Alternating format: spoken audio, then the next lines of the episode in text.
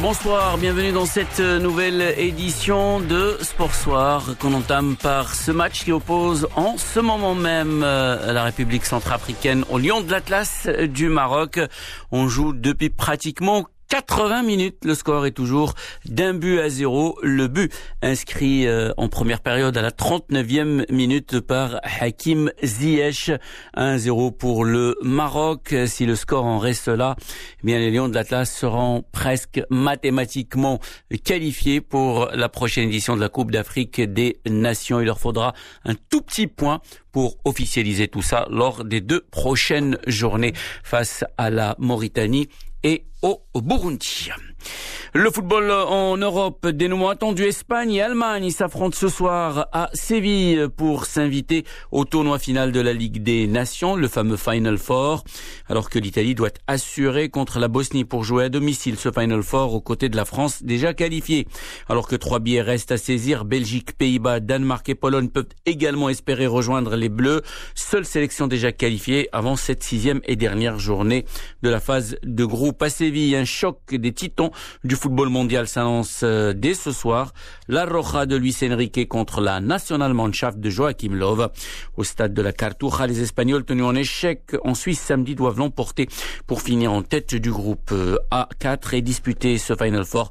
Faute de quoi, ce seront les Allemands qui décrocheront le sésame. L'Espagne, on y reste. La pandémie de Covid-19 force les grands d'Espagne à se serrer la ceinture. La Liga a baissé presque de moitié le plafond salarial du FC Barcelone et du Real Madrid pour la saison 2020-2021, selon des chiffres publiés aujourd'hui euh, par l'organisatrice du championnat. Frédéric Hermel est notre consultant pour le football espagnol. C'est normal. On a souvent accusé les, clubs espagnols, à juste titre, il y a très longtemps, de dépenser l'argent n'importe comment, d'être endettés. Là, aujourd'hui, il y a une DNCG, une contrôle de gestion. Il y a la Liga euh, qui veille au grain. On ne va pas permettre aux, aux, clubs espagnols de se mettre en danger. Donc, je trouve ça très bien. Ce qui va se passer, c'est que les clubs vont devoir négocier avec les joueurs des baisses de salaire tout simplement. Il n'y a pas d'autre solution. Il y a des règles à respecter. Beaucoup de citoyens en Espagne ne comprendraient pas que qui sont au chômage, eux qui ont dû baisser leur salaire, eux qui sont au chômage partiel, qui ne touchent que 70% de leur salaire, soient obligés de vivre chichement et que des millionnaires du football refusent de baisser d'un million d'euros sur 10 millions d'euros, quoi. Par exemple, hein. les joueurs peuvent réclamer euh, de casser leur contrat. Oui, bien entendu, bien sûr. À partir du moment où le contrat n'est pas respecté puisqu'on demande une baisse, tout ce devra se faire par négociation.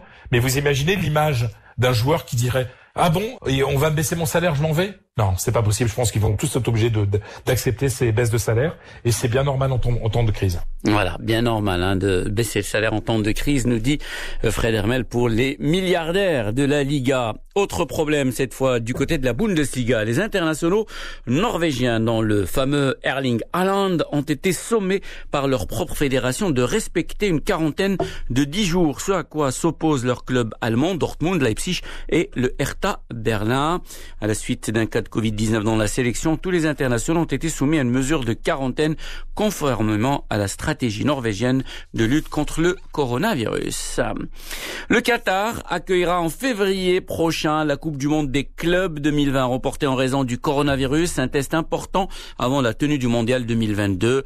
La Coupe du Monde des clubs réunit les équipes championnes des six confédérations continentales ainsi que le champion du pays organisateur. En 2019, le club anglais de Liverpool avait remporté le trophée après avoir battu les Brésiliens de Flamengo en finale 1 à 0 et déjà au Qatar. Un mot de tennis avant de se quitter avec Dominique Thiem qui a remporté un match d'un très haut niveau et d'une très grande intensité physique face à Rafael Nadal 7-6 7-6. C'était à Londres avec ce Masters Thiem qui fait un grand pas vers les demi-finales. Le troisième joueur mondial a ainsi décroché sa deuxième victoire on entend deux matchs dans le groupe de Londres 2020 après avoir battu Stefanos Tsitsipas dimanche dernier. Pour Nadal, la tâche se complique en revanche et tout se jouera jeudi à l'issue de la dernière journée de la phase de poule pour ce groupe durant laquelle il affrontera Tsitsipas. C'est la fin de cette édition de Sport Soir. Merci de l'avoir euh, suivi. On joue depuis 84 minutes. Le score est toujours de 1 but à 0 pour la sélection marocaine face à Centrafrique. Le but de Hakim Ziyech à la 39e minute.